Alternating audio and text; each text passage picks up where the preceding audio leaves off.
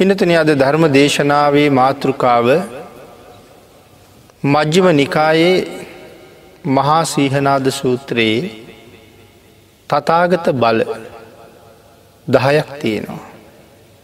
මේ තතාගත බලදහය පැහැදිලි කිරීමේ දේශනාවක් තමයි මේ දේශනා මාලාවේ පළවෙනි දේශනාව හැටියටත් සිදු කළේ. ඒ දේශනා මාලාවේ දෙවෙනි ධර්ම දේශනාව තමයි අද සිදු කරන්න. පළවෙනි ධර්ම දේශනාවේදී මනුස්ස ලෝකයේ හතර පිරිසකුත් දිවිය ලෝකෙන් බ්‍රහ්ම ලෝකෙන් හතර පිරිසකුත්. එතකොට අට පිරිසයි. බුදුරජාණන් වහන්සේ මේ අට පිරිසම පොළොව බවට පත් කරලා ඒ මත හිටගත්ත කියන කාරණාව සෙහිපත් කළා.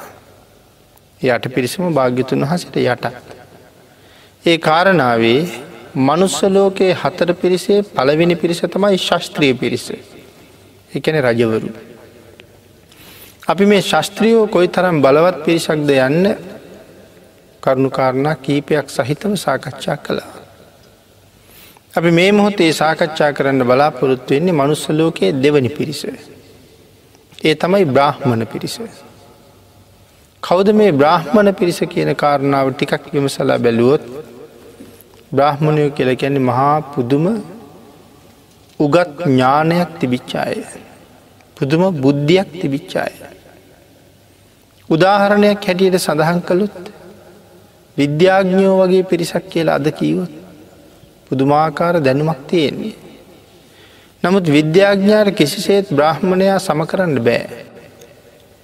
නමුත් මේ උදාහරණයක් හැටියට තමයි මෙන්න මෙහෙම වගේ කියලා හිතාගණ්ඩයි විද්‍යාඥයෝ වගේ පිරිසක් කියල කියන්නේ.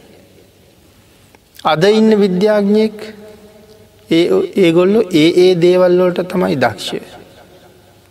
අපි හලති නොමි තාරකා විද්‍යාඥෝ කියල පිරිසක් ඉන්නවා. ඒගොල්ලු ඒ පිළිබඳව අධ්‍යයනය කරන අය.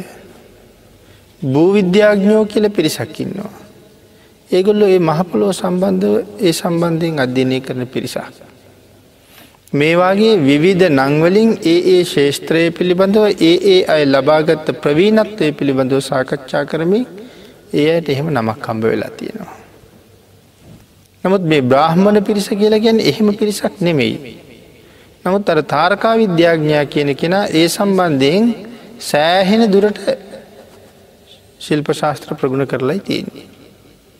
භූවිද්‍යාඥා ඒ සම්බන්ධයෙන් සෑහෙන දුරට ප්‍රගුණ කරලයි තියෙන්නේ. නමුත් මේ බ්‍රාහ්මණය කියන කෙනා සියලුම ශිල්ප ප්‍රගුණ කරලයි තියෙන්නේ. එකක් නෙමෙයි. එයාට යමක්ද කරන්න කියන්නේ ඕනම දෙයක් එය කරනවා. තරම් සියලුම ශිල්ප ප්‍රගුණ කරපු කෙනෙකුටයි බ්‍රහ්මණයා කියල කියන්නේ. ඒ නිසා මේ බ්‍රහ්මණවරුන්ගේ දැනුමේ සීමාව බොහෝම ඉහලයි. තවත් කෙනෙකුට කිසිම සේත් ළඟාවෙන්ඩවත් පුළුවන්කමක් නෑ බ්‍රාහ්මණයකුගේ දැනුම ගාවට.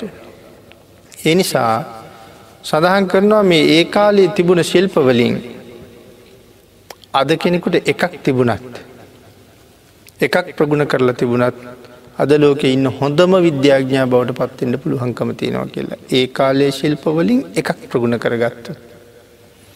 එමනම් ඒ කාලයේ තිබුණ ඒ ශිල්ප සියල්ලම ප්‍රගුණ කරපු අයට තමයි මේ බ්‍රහ්මණ කියල කියන්නේ මේ තරම් මහා ඥානවන්ත අය නමුත් ඒ ගොල්ලු භාග්‍යතුන් හසේට යටත්. ඊළඟට සඳහන් කරනවා මනුස්ස ලෝකයේ තුන්ගෙන පිරිස. තුන්ගෙන පිරිස ගෘහපති පිරිස. කාරද මේ ගෘහපතියෝ කියල කියන්නේ. ගෘහපතියෝ කියල කියන සිටුවරුන්ට. විශාල දනස්කන්දයක් තිබුණාය. මේ සිටුවරුන්ගේ දනස්කන්දයත් සිටුවරු දන්නෑ කොච්චරද කියලා. අපි මේ පළවෙනි පිරිස ගැන සාකච්ඡා කරනකොට මේ සිටුවරු ගැන කරුණු ටිකක් සිහිපත් කලා. එතකොට මේ ගෘහකපති පිරිස කොච්චර දනවත්ද මේගොල්ලෝ ධනය උපයන එකව තමයි ජීවිතය පළවෙනි පරමාර්ථය කෙරුවේ. මුලින්ම පුංචි කාලීදලම ධනය උපේලා උපේලා උපේලා උපේලා ධනය රැස් කරලා තියලා. විශාල දනස්කන්දයක් එකතු කරලා ඊට පස්ස මේ ගොල්ලු පංචකාම සම්පත් බුක්ති විදින්න පටන් ගන්නවා. අඩුපාඩුවක් නෑ ධනය හොයල්ල තියෙන්නේ. ධනය එන මාවත් විවෘත කරලා තියෙන්නේ. ධනය ගලාගෙනන දොරවල් ඇරල තියල තියෙන්නේ. එනිසා දැම් මහස් වෙන්ට දෙයක් නෑ මුලින් තමන් කරන්න ඕන දේවල් කරලා දැන් නිරායාසයෙන් ධනය උපයන දොරවල් විවෘත කරලා තියන. එනිසා ඔවුන්ට හැම පැත්තෙම ධනය ලැබෙන වැඩ පිළිවෙල කර්මාන්ත ශාලා එතකොට සත්ව පාලනය මේ අදී හැම්ම පැත්තක්ම බොහොම සාර්ථකව සම්පූර්ණ කරලා තියෙන්නේ. ඒ නිසා සඳහන් කරනවා මේ බ්‍රාහ්මණ පේෂ නිතරම උත්සාහ කළේ ශිල්ප ප්‍රගුණ කරන්නමයි. ඒක තමයි ජීවිතය එක ශිල්ප ප්‍රගුණ කරන එක. ශස්ත්‍රය පිරිස නිරන්තරයෙන් උත්සාහ කළේ බලය ගැන. තමන්ගේ බලය වර්ධනය කරගන්න තමන්ගේ ප්‍රදේශය ලොකු කරගන්න ඒ සඳහා සැලසුම් හදපිගොම තම හැමවෙලාම කළේ.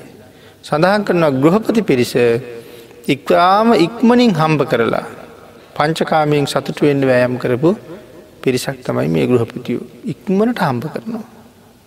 හම්බ කරලා තවත් ආදායෙන් එෙන මාර්ග හදල තියලා තමන් පංචකාමී සතුටු වෙවී ඉන්නවා. කොච්චර ධනය තිබුණද තමන්ගේ දනස්කන්දේ තමන්වත් දන්නේ.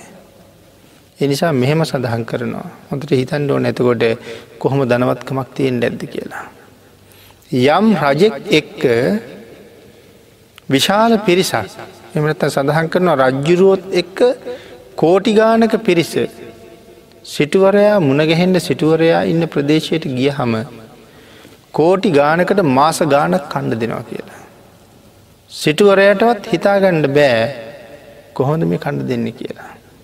කෝටි ගානකට මාස ගානක් කණ්ඩ දෙනවා. එතකොට සිටුවරය දන්න මංගව තියෙන සම්පත් කොච්චරද කියලවත්. ආහාරපාන විතරක් නෙමෙයිනි. කෝටි ගානකට කෑම දෙන්න පිඟන්තෝන කෝටියක්වත්. කෝප්පත් ඕන එච්චර නිදාගණ්ඩ දෙන්න ඇදක් නැති වුණත් පැදුරු දුන්නත් කොට්ට දුන්නත් ඒ ඔක්කොම ඒ ප්‍රමාණයට තියෙන්ට ඕනේ. වැසිකිලි කැසිකිලි පහසුකම් කොහොම තියෙන්න්න ඇද්ද. අපිට අද මේ දාහක් හමාරක් අරගෙන පින්කමකට ගිහිල්ලා. ඒ අයිගේ ඒ අවශ්‍යතාවයන් මූලික අවශ්‍යතාටික සම්පූර්ණ කරලා දෙන්නවත් අපිට බෑ. නමුත් මේ කෝටි ගානකට මාස ගානක් කණ්ඩ දුන්න කිය හම. කොයි තරන් දනස්කන්දයක් තියෙන් ඇද්ද මේ ගෘහපතියෝ ගාව. සඳහන් කරනවා නමුත් ඒ අයි භාග්‍යතුන් වහන්සට යටත්. සිරිපාදයට පෑගිලා ඉන්න නිසා මේ පිරිස මහපොළොව කරලා තිබුණ කියලා සඳහන් කරනවා. හතරවෙනි පිරිස තමයි ශ්‍රමණ පිරිස. කෞද මේ ශ්‍රමණ පිරිස කියල කියන්නේ. විවිධාකාර ඉර්දි තියෙන විශාල දැනුමක් සහිතව මේ ලෝකයේ විශාල බලයක් තියෙන පිරිසක්. විවිධ ඉර්දි තියෙනවා. බුදුරජාණන් වහන්සේ ලෝකයේ පහළවෙන්න කලිනොත් ශ්‍රමණ පිරිස් හිටිය. පුදුමාකාර ඉරදි ප්‍රාතිහාරයෙන් තිබුණා. අහසින් යන අය පොළොව යටින් යන අය මේ විවිධය හිටිය. අපිට ඒකට උදාහරණත් ඕන තරන්තිය නම මේ ආලාර කාලාම් උද්ධකාරාමපුත්ත භාර්ගවාදී තවුසු. සුද්ධෝධන මහනරෝත්තමයණන් වහන්සේට ශිල්ප උගැන්වා යැයි කියෙන අසිත කාල දෙවල තාපසතුමා. දවල්ට මනුස්සලෝකෙන් කෑම කාලා විවේක කණ්ඩ දිවිය ලෝකට යනව කියල සඳහන් කරන්න. මෙහෙන් කෑම කාලා දෙව්ලොවින් විවේකරගෙන හැන්දෑව්‍යාපව මනුස්සලෝකට එන කෙනෙක්. ඒ තරන් ඉර්දි දක්වන්න පුළුහන් ශ්‍රමණ පිරිස් අතීතයේ අතීතයේ හිටිය. ආං ඒ පිරිස්වලට තමයි මේ ශ්‍රමණ පිරිස කියලා හඳුන්වන්නේ. මේ මේ ශ්‍රමණ පිරිස කොයි තරං ඉර්දි දක්වන්න පුළුවන්කම තිබුණත් කොයි තරම් බලය තිබුණත් කොයි තරං ශක්තිය තිබුණත් මේ සියලු දෙනාම බුදුරජාණන් වහන්සේට යටත්. එතකොට මනුස්ස ලෝකයේ හතර පිරිස එතනින් ඉවරයි. එළඟට දිවිය ලෝකයේ හතර පිරිස. දෙව්ලොව සහ බඹලොව. මේ දෙව්ලව හතර පිරිසේ පළවෙනි පිරිස පළවෙනි පිරිස තමයි චාතුම් මහාරාජික පිරිස. කාටද මේ චාතුම් මහාරාජික පිරිස කියල කියන්නේ. සතරවරං දෙවියන්ට. සහ උන්වහන්සේලා යටතේ ඉන්න පිරිස. දිවිය ලෝක හැටියට කල්පනා කළොත් පල්ල හැම දිවිය ලෝකයේ. දිවිය ලෝක හයෙන් ඉස්සල්ලාම සඳහන් කරන ආයුෂ අඩුම දිවිය ලෝක තමයි මේ චාතුම් මහාරාජිකය. ඒ දෙවියන්ට අවශ්‍ය කොච්චර තියෙනවාද. දෙවියන්ගේ ආවුෂයෙන් අවුරුදු පන්සීයයි. මිනිස්සුන්ගේ ආවුෂෝලට බත් කරහම අපේ දවසකට තියෙන පෑ විසි අතරක්. නමුත් චාතුන් මහාරාජික ඒක දවසකට කොච්චර කාලයක් ඇද්ද. අපේ දවසකට විනාඩි හැටේ පැය විසි හතරයි චාතුන් මහාරාජිකය එක දවසකට අපේ අවුරුදු පණහයි. එක දවසකට අපේ අවුරුදු පණහයි අපේ අවුරුදු පණහක් එහාට එක දවසයි. එතකොට දෙවියන්ගේ ආවිශ අවුරුදු පන්සීයයි. ඒ කියල කැනෙ දෙවියන්ගේ අවශ අපේ අවුරුදු පණහක් එක දවසයි එතකොට එහෙම දවස් තුන්සිය හැට පහක් හැටක් අවුරුද්දයි. අවුරුදු පණහේ වතුන්සිය හැටක් වෙන්න ඕන අවුරුද්දක් වෙන්ට. එහෙම අවුරුදු පන්සීයක් වෙනකොට ඒගොල්ලන්ගේ මුළුවායු කාලයේ මනුෂ්‍ය වර්ෂ බවට පත් කරහම මනුස්ස වර්ෂවලින් අවුරුදු ලක්ෂා නුවක් ආවිශ තියෙනවා. චාතුම් මහාරාජික දෙවියන්ට. එතකොට එහි බලවත්ම පිරිස තමයි මේ හතරවරන් දෙවිවරු. චාතුම් මහාරාජික කියන ඒකන හතර දෙනෙක් රජකං කරන හිද තමයි මේ චාතුම් මහාරාජිකය වුණේ. කවුදේ හතර දෙනා සතරවරන් දෙවියගෙන අපි දන්නවා. අපි ඕන තරන් ඒ නම අහල තියෙනවා. විරූඩ විරූපාක්ෂ වෛශ්‍රවන දෘතරාෂ්ට්‍ය මේ තමයි ඒ දෙවි රජවරු හතර දෙනා. මේ හතර දෙනාම සෝවාං විච්චාය. අපායෙන් නිදහස් නිරේට යන්නේ කවදාවත්. එතකොට මේ එක්කෙනෙක් යටතේ කොච්චර පිරිසක් පාලනය වෙනවද මේ එක රජෙක් යටතේ. මේ රජෙක් යටතේ පාලනය වෙන පිරිස සඳහන් කරන කෝටි ලක්ෂයක් කියලා. නිකං හිතල බලන්ඩ. ඉලක්ක මේ මාත්‍රයට හිතන් එපා. එක රජෙක් යටතේ පාලනය වෙන යටත් වැසිවෝ පිරිස කෝටියේ ඒවා ලක්ෂයක්. කෝටි ලක්ෂයක සේනාවක් මේක රජෙක් යටතේ පාලනය වෙනවා. එතුට හතර දෙනාම යටත වෙච්චාම පෝටි ලක්ෂ හතරක් රජවරු හතර දෙනා යටත පාලනය වෙන පිරිස. මේ හතර දෙනාම සෝවාන් වෙලා සතර පායෙන් නිදහස් අය. ඉතාම ඉහල බලයක් තියෙන අය. මේ සතරවරං දෙවියන්ගෙන් එක්කෙනෙකුට තියෙන බලය මෙච්චරයි කියලා අපිට මුළු ජීවිත කාලයවත් හිතලා ඉවර කරන්න බෑ. තරම්ම ඉහල බලයක් තියෙන්නේ. දැනුම ධර්ම දැනුම අවබෝධය අපේ පිනතුට මතකයි පිරිත් පොතේ තියෙනවා ආටානාටිය කියල සූත්‍රයක්. අන්තිමහරි කෞද ආටානාටිය දේශනා කිරුවේ. බුදුරජන් වහන්සේද. ආටානාටිය සූත්‍රයේ දේශනා කරන්නේ මේ වෛශ්‍රවණ කෙන දිව්‍ය රාජයා වෙසමුණු යක්ෂයන්ට අධිපතිය. අපේ බුදුරජාණන් වහස ගිජ්ජකුට පරවතය වැඩ ඉන්න කාලි. දමදිව වන්දනාව ගියානන් අපිට පෙන්න්නනවා අතන තම යාටානාටිය දේශනා කළී කියලා. භාගිතුන් වහස මේ පරවතය වැඩ ඉන්නකොට මේ වෛශ්‍රවණ දිවිරාජා මධ්‍යම රාත්‍රිය බුදුරජාණන් වහසලඟට එනවා. ඇවිල සත් බුදුරජාණන් වහන්සේලාට වන්දනා කරනවා. වන්දනා කරල මෙන්න මේ සූත්‍රයේ අපේ බුදුරජාණන් වහන්සේළඟ දේශනා කරනවා. ආටානාටී සූත්‍රයේ. බුදුරජාණන් වහන්සේ දේශනාවෙන් පස්සේ ඒ අනුමත කරනවා. ලොවතුරා බුදු කෙනෙක් අනුමත කරන සූත්‍රයක් දේශනා කරන්න මොන තරං ඥාන සමුදායක් තියෙන් ඕනද කොයි තරන් දහම් දැන්මක් තියෙන් ඕනද.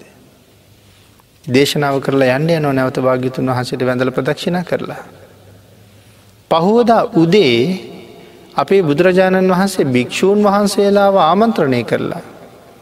දේශනාවක් කරනවා මහනෙන ඊ රාත්‍රිය මෙන්න මේවාගේ ප්‍රතාපවත් දිවිය පුත්‍රයෙක් මෙන්න මේ සූත්‍රයේ දේශනා කරලා ගියාමාලග. ඒ දිව්‍යරාජා භාග්‍යතුන් වහන්සේට කරපු දේශනාව භාග්‍යතුන් වහන්සේ භික්‍ෂූන් වහන්සේලාට නැවත දේශනා කරනවා. ආං ඒ නිසා ආටානාටිය සූත්‍රයේ බණවර දෙකක් අපි දකිනවා. බුදුරජාණන් වහන්සේ දේශනා කරපු කොටසයි දිවිරාජා දේශනා කරපු කොටසයි කියලා බනවර දෙකක් දකින්නේ එකයි. දිව්‍යරාජා භාග්‍යතුන් වහන්සේ ළඟ කරපු දේශනාව භාග්‍යතුන් වහසේ භික්ෂූන් වහසලට කළා. එනිසා කොටස් දෙකයි. ඉතින් මෙන්න මේවාගේ මහා විශාල ප්‍රතාපුවත් දැනුමක් තියෙන අය. එතකොට ඒ අය යටතේ ඉන්න අය සාමාන්‍ය අය කියලා හිතනවාද. මේ කෝටි ලක්ෂයක් තමන් යටත ඉන්න අය මේ එසේ මෙසේ කිසිම දැනුමක් ඥානයක් නැති අපි කැන අතක් පාතක් නැති අයි කියලා එහෙමයි නෙමෙයි. මනුස්සලෝක ඉන්න කාලේ සෝවාන් වෙලා හිටපු එක ආරි ශ්‍රාවකයෙක් බිම්බිසාර මහරජ්ජුරු. බිම්බිසාර මහරජ්ජුරු අපවත් වෙලා කොහෙද ඉපදිලා ඉන්නේ.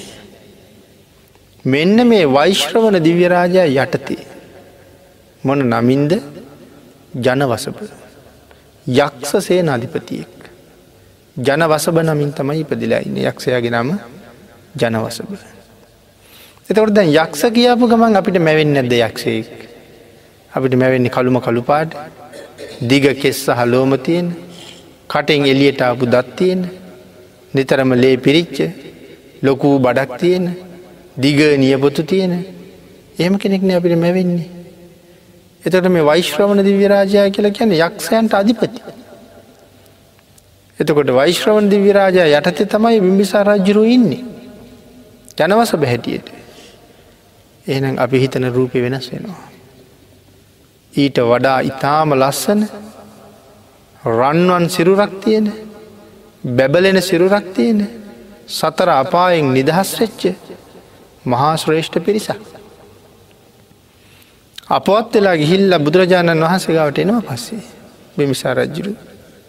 ඇවිල බුදුරජාණන් වහන්සේට වන්දනා කරලා ප්‍රකාශ කරනවා ස්වාමීණි භාග්‍යතුන් වහන්සේ මම ජනවසභ බෙමි ස්වාමීණී ස්වාමීණි මම ජනවසභ වෙමි. ස්වාමීණී මම බිම්බිසාර. ස්වාමීණි එදා මනුස්සලෝකෙ මම සෝවාන් වෙලයි හිටියේ. ස්වාමිනි මම දැන් සකදාගාමී වීම සඳහා වීර්ය ආරම්භ කරලා තියෙන්නේ. සෝවාන් වනා කියලා නිකම් බලාගෙනින්නවාද. අපායින් නිදහස් වනා කියලා නිශබ්දවන්නවාද නෑ එහෙම වෙන්නේ. සකදාගාමී වීම සඳහා වීරය ආරම්භ කලා ස්වාමීණි කියල සඳහන් කරනවා. එහෙම අය මේසමුණි දිවිරාජය යටතේ ඉන්නේ. ආලෝකයක්ෂයා ඉතා විශේෂ චරිතයක් එනිසා අපේ පොත්පත්වලට සංග්‍රහ වෙලා ඇවිල්ල තියෙන්නේ. සාමාන්‍ය බලවත් කෙනෙක් ආලෝකයක්ෂය කියන්නේ. අතිශයෙන් බලවත්. සඳහන් කරනවා බුදුරජාණන් වහන්සේ තමන්ගේ මාලිගාවට ආවා කියන පනිවිඩේ ආරංචුනාට පස්සේ. සාතාගිර හේමෝත කියෙන යක්ෂ සේනාධිපතියෝ දෙන්නම යට ටිකක් සමච්චල් කලා. සමච්චල් කරේ නෑ මුලින් ආශිර්වාද කලා භාග්‍යතුන් වහස ඔබේ මාලිගාවට වැඩල ඔබට මහ පුදුම යහපතක් උදා වෙලා තියෙන කියලා. නොත් මෙයට කේන්ති ගියපු නිසා කේන්ති ගස්සන්න තව දේවල් සමහරලාවට කීවා. ඒ වෙලාවේ පර්වත පාදයන් පර්වත මුදුන් දෙකක් උඩ මෙ තමන්ගේ යක්ෂ විමානෙන් යක්ෂ සභාවෙන් රැස්වීමකට ගිහිල්ලන හිටියේ. එලියට බැහැලා පර්ුවත කඳු මුදුන් දෙකක් උඩ තමන්ගේ කකුල් දෙක තියන්නේ. සඳහන් කරන මේ එක කන්දක් යොදුන් තුන්දාහකට ආසන්න. තරන් විශාලයි පර්වත ප්‍රාන්තය මුල එතකොට කඳු දෙකේ මුදුන යනකොට තවත් ඇතයි. විශාල කඳු ඇතින් තියෙන කඳු දෙකක්. මේ කඳු දෙකේ ඈතට කකුල ඇත් කළ කඳු දෙකේ මුදුනින් තියන්නේ. එතුට හිතන්න කොච්චර ලොකු ඇද්ද. සඳහන් කරන උත්සගන ඉන්ට බැරි නිසා මේ කඳු පතුරු ගැලවි ගැලි වැටෙනවා කියලා. ඇගේ බර දරාගෙන ඉන්න බැරුව. එතන හිටගෙන තමයි අහං ආලෝකෝ කියල කෑගහන්නේ. මේ මුළු ජම්බුද් දීපයට මෙහිච්ච හඬවල් හතරක් තියෙනවා ලෝකයේ. ඒ හඬවල් හතරෙන් එකක් තමයි ආලෝකයක්ෂය අයදා අහං ආලෝකූ මට යාලෝක කියන්නේ කියලා කෑගහන බුදුරජාණන් වහස් විමානයට වැඩිය කියලා ආරංචිලා මට වඩා බලවත් අයින්නවද කියලා. එහෙම යක්ෂයෝ දැන්ඉන්න කවුරු යටතෙද අන්න අර කියාප වෙසමුණි රජ්ජිරුව යටතේ. ඉතින් එහෙම අය ඉන්න වෙසමුණි රජු යටතෙ නං වෙසමුණි රජු කෞද කියන කාරණාව අපිට අමුතෙන් සාකච්ඡා කරන්න ඕනේ ඕනේ නැම්මොන්න තරම් බල සම්පන්න වෙන්ඩ ඇද්ද. මෙවන් බලවතුන් කෝටි ලක්ෂයක් පාලනය කරනු එක්කෙනෙ. ආන්ගේ චාතුම් මහාරාජික පිරිස බුදුරජාණන් වහසට යටත්. මේ සතරවරං දෙවිවරුම භාග්‍යතුන් වහසට යටත්. ඒ තමයි දෙවිය ලෝකයේ පළවෙනි පිරිස. මේ අට පිරිසෙන් පස්වෙනි පිරිස බවට පත්වෙන්නේ. ඊළඟ පිරිස තමයි චාතුන් මහාරාජික පිරිස ඊළඟට තවතිසා වැසි පිරිස. කවද තවතිසා වැසියෝ කියල කියන්නේ. සක් දෙවිඳු වැඩ ඉන්න දිවියලෝකේ. තවතිසාාව. ඇයි තවතිසා කියල කියන්නේ. දෙවි රජවරු තිස් තුන් දෙනෙක් රජකං කරන නිසා තාව තින්ස තිස්තුනයි තවතිසාාව රජවරු තිස්තුන් දෙනෙක්කින්නවා. ඒ තිස්තුන් දෙනාගෙන් බලවත්ම කෙනා කවද මේ තිස්තුන් දෙනාට මනායකත්වය දීගෙන ඉන්න කෙනා තමයි සක්‍ර දේවේන්ද්‍ර කියල කියන්නේ. මනුස්ස ලෝකය ඉන්න කාලේ එකටම පින්කරගෙන ගියපු අය. මනස ලෝක එකට පින්කරපු කල්්‍යයාන මිත්‍රත්තෙන් වෙලිලා හිටපු අය තමයි මෙදිවී ලෝක ගිහිල්ල ඉපදිලයි. එතකොට මේ පිරිස කොයි තරම් බලවද්ද. සඳහන් කරනවා චාතුම් මහාරාජික පිරිස ඉතාම බලවත් ඊට වඩා බලවත් මෙන මේ තාවතිංස පිරිස. මේ දෙවි රජෝරු හතර දෙනා ඉන්නේ මේ සක් දෙවිඳු යටතේ. හතර දෙනාම ඉන්න සක් දෙවිඳු යටතෙනං සක් දෙවිඳු ඒ හතර දෙනට වඩා මොන තරම් බලවත්ද කියන කාරණාව අපිට සිහිපත් කරලා ඉවර කරන්න බැරි තරම්. එනිසා සඳහන් කරනවා මේ අයටත් තියෙන පුදුමාකාර පුදුමාකාර බලයක්. පොයි වගේ බලයක්ද ඒ නිසා සඳහන් කරන තවතිසා වැසි පිරිස ගොඩාක් පින් කරලා ඉන්න පිරිසක් කියලා. ආවශ්‍ය කොච්චරද මේ දිවියලෝකී. මනුස්ස වර්ෂවලින් දෙවියන්ගේ ආවශයෙන්නම් අවුරුදු දාහයි. එහි එක දවසකට අපේ අවුරුදු සීයයි. මේ දෙවියන්ගේ මුළු ආයු කාලේ මනුස්ස වර්ශයෙන්නම් අවුරුදු තුන්කෝටි හැට ලක්ෂයයි. මනුස්ස වර්ශයෙන් අවුරුදු තුන්කෝටි හැට ලක්ෂයක් අවශ්‍ය මේ දිවියලෝකට. ඉතාම පින්කරපු පිරිසක්. පිනෙන් ආඩ්‍යයි පිනෙන් පිරිලා. සක්‍ර දේවේන්ද්‍රයන් වහන්සේගේ විතරක්. පරිවාර දිව්‍යාංගනාවන් ප්‍රමාණය සඳහන් කරනවා කෝටි දෙක හමාරක්කින්නවා කියලා. පරිවාර දිව්‍යංගනාව. එතකොට අනික් දෙවිවරුන්ටත් ඊට ආසන්නවත් ඉන්ඩ ඇති. කොයි තරම් පින් කරලද කොයි තරම් සැප ලබනවද කොයි තරම් බලවත්ද කොහොම ප්‍රතාපවද්ද කියන කාරණාවත් අපට සිහිපත් කරලා ඉවර කරන්න බැරි තරම් පිරිසක්. ලෝකයේ නොමැකෙන සලකුණක් තියල තියෙනවා ශක්තිවිනි තැනක. මහා කල්පය පවතිනකන්ගේ සලකුණ තියෙනවා. මතකද කොතනද කියලා. චන්ද්‍ර මණ්ඩලේ මත හාවෙක් ඇඳල් තියෙනවා. අපි කියනව නේද හඳ දැක්කාම හාවෙක්කින්නවා කියලා. කෞද මේ සසරූපය චන්ද්‍ර මණ්ඩලේ සනිටු හංකිරවී සක් දෙවිඳ. අපේ බෝසතාණන් වහන්සේ දාන පාරමිතාව පුරණ කාලේ අගුරු මැලයකට පැනලා දානයක් ඉල්ලගෙන බමුණෙකුට තමන්ගේ ජීවිතය පූජ කරනවා. අගුණු මැරයට පැන්නට පිච්චුන්නෑ මොකද මේ දානය ඉල්ලගෙන එන්නේ බමුණෙක් හැටියට සක් දෙවිඳ. සක් දෙවිඳට ජීවිතයම පූජ කරනවා. ලොවතුරා බුද්ධරාජ්‍ය වෙනුවෙන්. මගේ ශරීරයේ හමත් සිවියත් ලේත් මසුත් ඇටත් නහරත් සියල්ලම ඔබටයි පිච්චුනා මාර අරගෙන අනුභව කරලා සිල් රකින්න කියලා ඉල්ලීමක් කරලා තමයි ජීවිත පරිත්‍යයාගේ කරන්නේ. දෙවෙලා තමයි ගිනි ගොඩෙන් අරගෙන පැසකින් තියලා අනේ අහෝ මේ ලෝකයේ දානය නම් කොයි තරං ශ්‍රේෂ්ඨද. දානයේ කොයි තරං ශ්‍රේෂ්ඨද. මේ සස පණ්ඩිතයෝ දවසක සම්මා සම්බුද්ධත්වය ලබල බුද්ධාන්තරයේ නිමාවෙයි. නමුත් මහාකල්පය පවතිනතාක් කල් මේ ශ්‍රේෂ්ඨ දානයක අසිරිය මිනිස්සු දැනගත යුතුයි. කල්පය පවතිනතුරු මේ දානය අසිරිය ලෝකයට දර්ශනය විය යුතුයි කියල කල්පනා කරලා ජාතක පාලිය සඳහන් කරනවා අංජනකූට පරවතය සක්‍ර දේවේන්ද්‍රයන්ගේ මිටිං අරම් මිරි කලා එතකොට ඉස්මාරගන චන්ද්‍රමණ්ඩලය මත ඒ ඉස්ම තවරලා ඒ මත හාවගේ රූපයන්ද කියලා. මේ සසරූපය දකින දකින කෙනා අරතියන්නේ දානී අසිරියයි නේද කියල කල්පනා කරයි. කියල තමයි මේ සටහන තිබ්බ කියල සඳහන් කරන්නේ. ඉදි මේ කරුණුත් එක කල්පනා කරල බලන්ඩුවන හෙන සක් දෙවිඳ කියනෙ කොහොම යද චන්ද්‍ර මණ්ඩලේ ස්පර්ශ කරන්න පුළුවන් කෙනෙක්. අංජනකූට පරුතය මිරිකණ්ඩ පුළුවන් වෙන්ඩ කොයිවාගේ ශරීරයක් මවන්ඩ ඇද්ද. යොදුන් තුනක් උසයි කියල කියනවා. යටත් පිරිසෙන් හැතැක්ම තිහෙකට වඩා උසයි. හැතැක්ම තිහක්වත් උසයි නං යටත් පිරිසෙන් හැතැක්ම විස්සක්වත් විස්සක්වත් මහත තියෙන්ට ඇති. දකට මෙ දෙවිවරුන්ගේ කායික ස්වභාව අතිශයින් බලවත් පිරිසක් නමුත් මේ පිරිස බුදුරජාණන් වහන්සේ ළඟ බුදුරජාණන් වහන්සේ ළඟ භාග්‍යතුන් වහන්සේට යටත්. ඊළඟ පිරිස තමයි පින්නතින මේ මාර පිරිස කාට මේ මාර පිරිස කියල කියන්නේ. පරණින්මිත වසවර්තය ඉන්න පිරිස. අපි ගැන්න දිවිය ලෝක හයේ හවිනි එක පරණිමිත වසවර්තිය. මේ පරණිමිත වසවර්තය තමයි මාර පිරිස. මේ සියලූම දෙවියන්ට වඩා උසස් බලයක් තියෙන පිරිසක්. ආවිෂ කොච්චරද. අවුරුදු නවසය විසියෙක් කෝටි හැට ලක්ෂයයි. මේ දිවී ලෝක ආයි ප්‍රමාණය. අපේ අවුරුදු එක්දා සයිසියක් විතර වන ඇගොල්ලන්ගේ එක දවසක් සම්පූර්ණ කරන්න. ඒවාගේ මහා බලයක් තියෙන පිරිසක් මාර පිරිස. ඒ මාර පිරිසත් භාග්‍යතුන් වහන්සේ ළඟ පොළොව බවට තමයි පත්වෙන්නේ. අවසාන පිරිස අටවෙනි පිරිස. අටවෙනි පිරිස තමයි මේ බ්‍රහ්ම පිරිස බ්‍රහ්ම ලෝක ඉන්න අය. එතකොට බ්‍රහ්ම ලෝකයයි මේ සියල්ලටම වඩා බලවත්න්නේ. දිවිය ලෝකෙනම් දිවිය අංගනාව ඉන්නවා. බ්‍රහ්ම ලෝක එහෙම අය නෑ කාන්තාව නෑ බඹලෝ.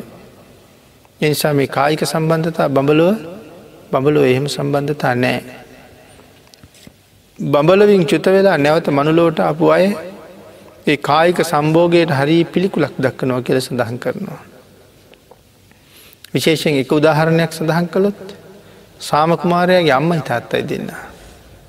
බඹලවින් පිට වෙලා එන්නේ. බඹලවින් පිට වෙලා ඇවිල තමයි මේ වැදිකුලේ වැදි නායක පවුල් දෙකේ ඉප දෙන්නේ. විවාහ ජීවිතයට ඇතුල්වෙන්ට මේ දෙන්නට යෝජනා කරනවා මේ දුවටයි පුතාටයි.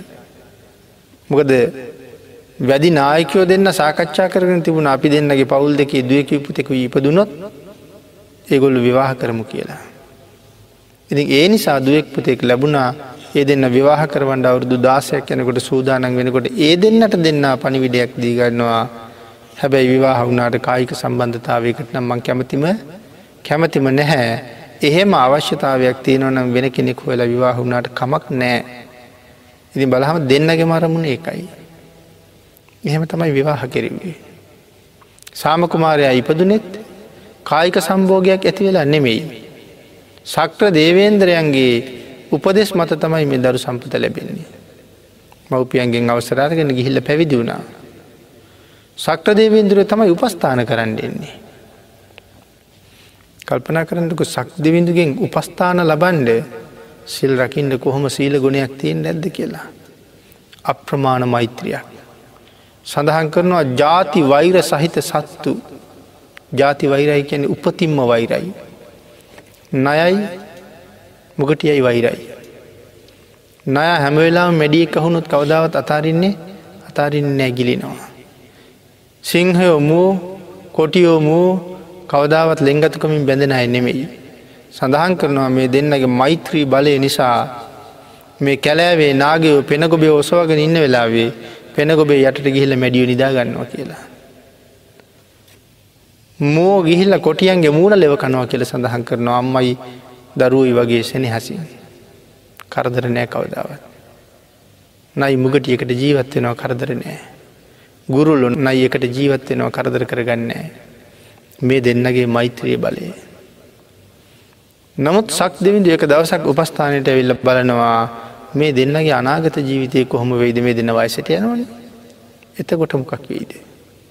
එහෙම බලන්නකොට තමයි දැක්කේ නොදුරු දවසක ඇස් දෙක මන්ද වෙනවා අනාගතය දවසක ඇස් දෙක මන්ද වෙනවා එහෙමුණුත්න සලකණ්ඩ කෙනෙක් ඕ නෙමයි. ඒ වෙලාවෙ තමයි තාපසතුමාළඟට ගිහිල සඳහන් කළේ ස්වාමීනී දරුවෙකුගේ අවශ්‍යතාවය නම් හොඳටම තියෙනවා. ඒ වෙලාව සඳහන් කරනවා සක්‍ර දේවේන්ද්‍ර යනිනි ගිහි කටයුතු ගිහි ගෙදර ඉඳල කරන්න තිබිච්ච කටයුත්ත ගිහි ගෙදරදි සිද්ධ නූනා නං ඔබ හිතනවද පැවිදුනාට පස්සේ වන්දයක් වෙයි කියලා. ඉරිවස කාරණාව පැහැදිලි කරනවා. පැහැදිලි කරල සඳහන් කරනවා කායික සම්බෝගයක් ඇති කර ගැන්න කැමති නැත්තං එතරම්ම පිළිකුලක් ඒ සඳහා දක්වනවා නම් පාරිකාදේවිය මල්වර වෙච්ච දවසට ඇගේ නාබිය පිරිමදින්න කියලා.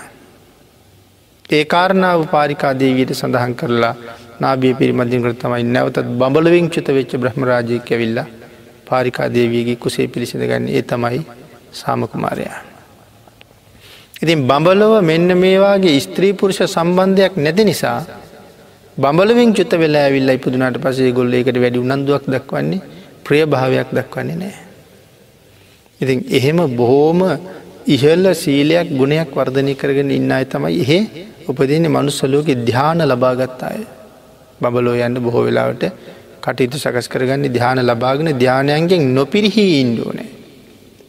බ්‍රහ්ම ලෝකූප ගෝහෝතිී මෛත්‍රී භාවන ව්‍යානි සංසේ කොල්හක් සඳහන් කරනකොට අන්තිමානි සංසේ තමයි ධ්‍යානයෙන් පිරිහුන් නැත්තං මරණයත් සමගම ගිහිල්ල බඹලුව බබලෝපදිනවා කියලා.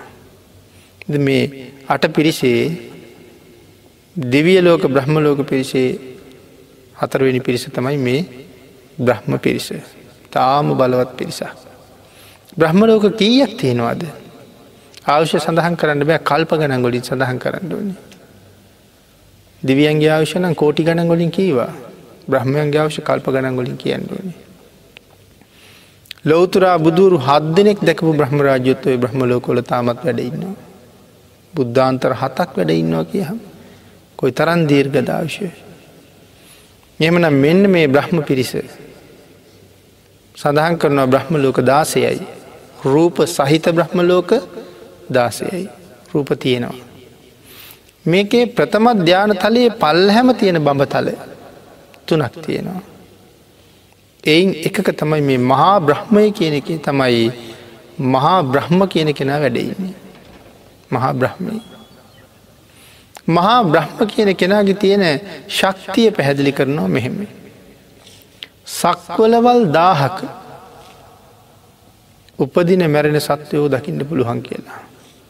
සක්වලවල් දාහක උපදින මැරෙන සත්‍යයෝ දකින්න චුතුපපාත ඥානයක්. නැතම් පෙර විසු කඳ පිළිවෙල දක්නා නුවන. උපදින මැරෙන සත්වයෝ. දකිින්ට පුළුවන් සක්වලවල් දාහක ඉන්න. ඉතන්න මොන තරම් බලවද්ද කියලා. එතකොට ඒ මනුස්සලෝක ඉපදින මැරෙන අයත් දකිනවා. එක මේ සක්වලමන මේ සක්වලෙන් බැහැර තව දාහක් දකිනවා. ඉළඟට සඳහන් කරන මේ සක්වලම එලිය කරන්න එක ඉරක් ඕනෑ. මේ සක්වලම එලිය කරන්න එක ඉරක් පායන්න ඕනෑ. සක්වලවල් දාහක් කාලෝක කරන්න එහෙන ඉරවල් දාහක් පායන්න ඕනෑ. සඳහන් කරනවා මෙයාගේ එක් සුලගිල්ලෙන් මැගේ සුලගිල්ලෙන් පුළුවන් සක්කලවල් දාහක් කාලෝකමක් කරන්න කියලා. එතකොට සුලැගිල්ලෙන් එතරම් ආලෝකයක් විහිදෙනවනං ශරීරයෙන් කොහොම ආලෝකය විහිදීද. මේ ඉතාම පල්ලහැ පන්තිී පල්ලහැ බ්‍රහ්මලෝකයක ඉන්න කෙනෙ. මහා බ්‍රහ්ම මෙහෙවනං උන්වහන්සේට ඉහලින් වැඩ ඉන්න බ්‍රහ්මලෝකොල ඉන්න අයගේ බලය කොහොම කොහොම වෙන්න ඇද්ද. මේ මේ අට පිරිස භාග්‍යවතුන් වහන්සේ පොළොව බවට පත් කරලා තියෙන්නේ. මේ අට පිරිස පොළොව කරලා ඒ උඩ බුදුරජාණන් වහන්සේ හිටගෙන ඉදලති හිටගෙන ඉන්නේ. ආගේ නිසා සඳහන් කරලා තියෙන්නේ ආසබං ටානං ඥානං කියල සඳහන් කළේ නිසා. ආසබං ටානං ඥාන. මේ පිරිසට වඩා භාගිතුන් වහන්සේ ශ්‍රේෂ්ඨයි. ශ්‍රේෂ්ඨ ස්ථානය ලබන්නට බල දහයක් තියෙන්වන මෙන්න මේ පිරිස ඉක්මෝල ගියපු ශ්‍රේෂ්ඨ ස්ථානය ලබන්ඩ නම් බල දහයක් තිීන් ඕන එහෙම කෙනෙකුට විතරයි මේ අට පිරිස ඉක්මෝල යන්න පුළුවන්කම තියෙන්නේ. තොට මොකක්ද ඒ බලදාය අං නිසා සඳහන් කරනවා කතමානි දස මොනවද මේ දස බල කියල කියන්නේ. ලොවතුරා බුදුරජාණන් වහන්සේට විතරයි මේ බලදාය තියෙන මේ ලෝක වෙන කිසිම කෙනෙකුට මේ බල පිහිට නැති බව අපි සඳහන් කලා සමාන බල පිහිටයි තවත් ලෝතුරා බුදු කෙනෙකුට විතරයි. සමානයෙක් ඉන්නවා හිට වඩ වැඩි කෙනෙක්වත් තවත් ලෝතුරා බුදු කෙනෙක් හැර තව කෙනෙකුට ලංවෙන්ඩවත් හිතන්නවත් බෑ. මේ බලදහයිට.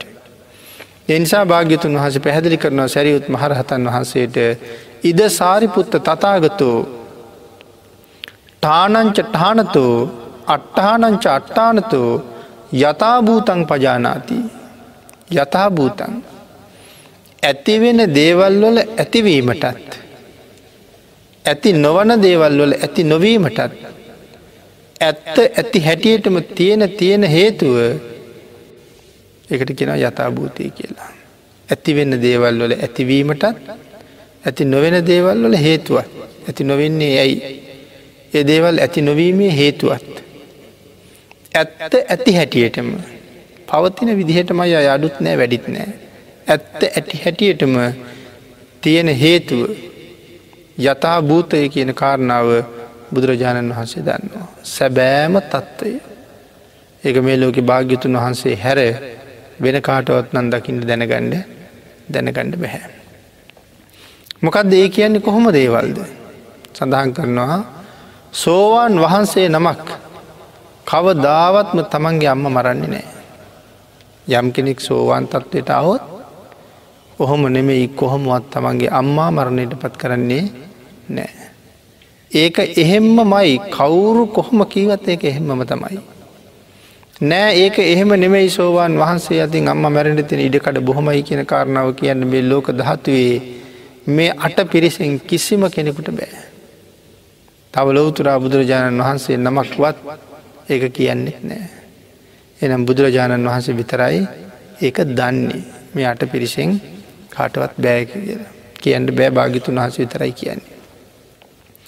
ආර්ය උපවාද කරපු කෙනෙක් සමාව නොගෙන කවදාවත්ම මාර්ග පලයක් ලබන්නේ නෑ. ආර්ය උපවාද කරනවා කියල කියන්නේ. ආර්යන් වහන්සේලාට දොස් පවරනවා. ආර්යෝ කියල කියන්නේ සෝවාන් මාර්ගයඉඳල ඉහලට ආර්ය වූ අය. උන්වහන්සේලාට යම් කෙනෙක් වරදක් කරලා තියෙනව නං දොස් කියල තියෙනවන. මේ භවයේ විතරක්නේ පෙර භවයකුණ සමාව ගන්න සිද්ධ වෙනවා. මේ ජීවිතෙන් මොන්න තරංසිල් රැක්කත් අහස මහපොළු කම්පාකරෝණ තරං සීලයක් ආරක්ෂා කෙරුවත් ආර්යන් වහන්සේ නමකට උපවාදයක් කරල චෝදනාවක් කරලා බැනලා නිග්‍රහ කරලා සමාව අරගෙන නැත්තං සමාව ගන්නාතුරු මාර්ගඵලයක් නම් ලැබෙන්නෙම නෑ කියල දේශනා කරනවා. නෑ එහෙම නෙමෙයි මම ලබනවමන් සමාව ගන්නෑ කියලා කිසි කෙනෙකුට පිහිටන්ඩ පිහිටන්ඩ බෑ බැරි බව භාග්‍යතුන් වහසේ දේශනා කලා කියල කෙන ඒක වෙනස් වෙන්නෙම වෙනස් වෙන්නෙම නෑ ඒකයි භාවනා කරන්න ගියහම අපි මේ සියලු දෙනාගේම සමාව ඉල්ලන්නේ. දැන්න නොදැන ආත්ම ගණනකට කලින් සිද්ධ වනානන් යම් වරද සියලුම වැරදිවලට සමාව දෙන්න කියලා සමාව ඉල්ලලා භාවනාවට වඩියෙන්නේ මෙන්න මේ කාරණාව හින්දා. ඊළඟට සඳහන් කරනවා වෙන දේවල් වීමටත් නොවෙන දේවල් නොවීමටත් ඇති හේතුව ඇති හැටියටම දකින නිසා භාග්‍යතුන් වහන්සේ මෙ සියලු දෙනාටම වඩා ශ්‍රේෂ්ඨයි. ඊළඟට සඳහන් කරනවා මේක විශේෂ තතාගත බලය මේ වෙන දේවල් වීමටත් නොවෙන දේවල් නොවීමටත් හේතුව දකින එක අති සුවිශේෂී වූ තතාගත බලය. අන්න ඒ නිසා මේක වෙන්න නෑ කියලා දේශනා කළොත් කිසි සේත්ම ඒක වෙන කෙනෙකුට නවත්තන්ඩ නවත්තන්ඩ වෙනස් කරන්න බැරි බව සඳහන් කරනවා. මේක වෙන්න නෑ කියලකිවොත් වෙන්නම වෙන්නම නෑ. පරතරට උගත් බමුණන්ට විතරක් නෙමෙයි සඳහන් කරනවා රජුන්ටවත් මහා බලවත් ඉර්දිමත් බ්‍රහ්මයකුටවත් ඒ බුද්ධ වචනය වෙනස් කරන්න බෑ කියලා. අර තරම් බලය තියෙන ශස්ත්‍රයකුට රජකුට දිවිය ලෝකවල කිසිම කෙනෙකුට බ්‍රහ්ම ලෝකවල කිසිම කෙනෙකුට භාග්‍යතුන් වහන්සේගේ දේශනාවෙන් එක අල්ප මාත්‍රයක් යටත් පිරිසෙන් ඇලපිල්ල ඉස්පිල්ලක් කොම්බුවක්වත් වෙනස් කරන්න වෙනස් කරන්න බෑ. ඒ විදිහටයි මේ දේශනාව භාගිතුන් වහස කරන්න එක විශේෂ විශේෂ බලයක්. ඊළඟට සඳහන් කරනවා මේ බ්‍රහ්මයාට කොයි තරං බලයක් තිබුණත් භාගිතුන් වහසයට කිසිම බලපෑමක් කරන්න ශක්තිය නෑ කියලා. මේ ආදි වශයෙන් බුදුරජාණන් වහන්සේ මේ දැන අවබෝධ කරගත යුතු දේවල්. අපූරුවට මනාව දැනගත්ත නිසා භාගිතුන් වහන්සේ පළවෙනි බලය යථා භූතය ඇත්ත ඇති හැටියෙන්ම දකින්න පුළුවන් පුදුමාකාර හැකියාවක් භාගිතුන් වහන්සේ සතුව සතුව තිබුණා. ඊළඟට සඳහන් කරනවා සුද්ධවාසවල ඉන්න මහරහතන් වහන්සේලා අතිශයිම බලවත් අය සුද්ධවාසීන මහරහතන් වහන්සේලා. ඒ බලය සීමාවක් නෑ. එහෙම බල සහිත උන්වහන්සේලාගේ බලය භාග්‍යතුන් වහන්සේ ළඟ සීමා සහිතයි. ඒ මහරහතන් වහන්සේලා අපි සඳහන් කලා මුලින් ලොවතුරා බුදුරු හත් දෙනෙක් විතර දැකපෝ ඇත්තින්නවා කියලා. නමුත් උන්වහන්සේලාට බෑ භාගිතුන් වහසේට කිසිම බලපෑමක් කරන්න එච්චර බුදුවරු දැකලා ශක්තිය අරගෙන තිබුණත්. අන්න ඒ නිසා මෙන්න මේ ඥානයෙන් භාග්‍යතුන් වහන්සේ කිසි සේත් හොළවන්ඩ කාටුවත් බැරි නිසා. සෝවාන් ආරයන් වහන්සේ ආනන්තරීය පාපකර්මයක් නොකරන බවත් පෘතජ්ජනයෙක් අතින් ඒ සිදුවිය හැකි බවත් භාග්‍යතුන් වහසේ දේශනා කරනවා ඒක එහෙමම ඒක එහෙමම තමයි. සෝවාන් ශ්‍රාවකයා භවාන්තරයේදීවත්. තමන්ගේ ශාස්තෘුවරයා කවදාවත් ප්‍රතික්ෂේප කරන්නේ නෑ. සෝවා නාර්ය ශ්‍රාවකයෙක් කවදාවත් බුදුන් සරණ නැති කරගන්නේ නෑ. භාග්‍යතුන් වහන්සේ මගේ ශාස්තෘුවරයා නෙමේ කියලා භවාන්තරයේදීවත් කියන්නේ නෑ. ශාස්තෘුවරයා භාග්‍යතුන් වහන්සේ මයි. ඒක ඒ කාන්තයි සත්‍යයි ඒක භාග්‍යතුන් වහසේ හොඳාකාරෝම හොඳාකාරෝම දන්නවා. ශ්‍රෝවාන් ශාවකයකු අතින් කිසිසේත් සසර අටවන වරට උපදී ඉපතක් නෑ. සෝවාන් ශ්‍රාවකය කවදාවත් අටවතාවක් නම් සංසාරය උපදින්නේ. ආත්ම හතකින් සසර ඉවර කරනවා කියලා කවුද කියල තියෙන්නේ. බුදුපියාණන් වහන්සේ. භාග්‍යතුන් වහන්සේ එහෙම දේශනා කලා නං අට අටවතාවක් ඉපදීමක් නෑ කියලා නැහැමම උපදිනවා කියල කෙනෙකුට කියන්නත් බෑ අහවලා ඉපදුනා කියල කියන්නත් බෑ. ආත්ම හතකින් සසර ගමන ඉවර කරනවා මයි එක භාග්‍යතුන් වහස දේශනා කළන ඒ එසේ මයි. එක ලෝක දහතුවක එකවර බුදුවරු දෙන්නෙක් උපදින්නේ නෑ. භාගිතුන් වහස දේශනා කලා නං ඒක එහෙමම තමයි එක බුදු කෙනෙක් ඉන්නකොට තාව බුදු කෙනෙක් පහල වෙන්නෙම වෙන්නෙම නෑ. සක්විති රජවරු දෙදෙනෙක් පහළ නොවෙන බව භාගිතුන් වහස දේශනා කරනවා එකම කාලයක සක්විති රජවරු දෙන්නෙක් පහළ වෙන්නෙම නෑ. ස්ත්‍රීත්වය ඉඳගන ලොවතුරා බුදු බව සක්විති රජවීම සක්ටත්වය මාරත්වය බ්‍රහ්මත්වය ලැබීමට කවදාවත්ම නොහැකි වෙන බව භාගිතුන් වහසේ දේශනා කළා. ස්ත්‍රීත්වය ඉඳගෙන කවදාවත්ම වල බණ්ඩ බැහැ. එහෙනම් මේ ලෝක කිසිම ස්ත්‍රියකට හෝ පුරුෂයකුට ප්‍රකාශයක් කරන්න බැහැ. නෑ ස්ත්‍රීත්වය ඉඳගෙන මේ කාරණාවන් එකක් සම්පූර්ණ කරනවාමයි කියල කියන්න බැහැම තමයි. බෑකිවොත් බෑම තමයි ඒ භාග්‍යතුන් වහසගේ අවබෝධය හැටි. කායවාක් මනු දුෂ්චරිතයන්ගෙන් කවදාවත් ඉෂ්ට විපාක නොලබෙන බවත්. කායවාක් මනු සුචරිතයන්ගෙන් කවදාවත් අනිෂ්ට විපාක නොලබෙන බවත් භාග්‍යතුන් වහස දේශනා කරනන් ඒ එසේම එය එසේම තමයි කියල සඳහන් කරනවා. සියල්ල පිළිබඳව හේතු අහේතු භාග්‍යතුන් වහන්සේ දන්නා සේක කියල සඳහන් කරනවා යමක් සිදුවීමට මෙන්න මේකයි හේතුව කියන කාරණාව මේ හේතුව නිසා මේක සිදුවෙන්නේ නෑ කියන කාරණාව භාගිතුන් වහසේ තරන් දන්න කෙනෙක් ලෝක දහත්වය වෙන ඇත්තේම නැති බව සඳහන් කරන නිසා මේක තමයි මේ තතාගත බලවල පළවෙනි තතාගත බලය. යථා භූතය හරියටම දන්නා පළවෙනි බලය. එමනං ධර්ම දේශනාවට තියෙන කාලේ නිමා වෙලා නිසා අපි මේ දස බල සාකච්ඡාවේ පළවෙනි බලය සඳහන් කරපු දෙවැනි ධර්ම දේශනාව මේ දේශනා මාලාවේ මෙතකින් නිමාවට පත්වෙනවා.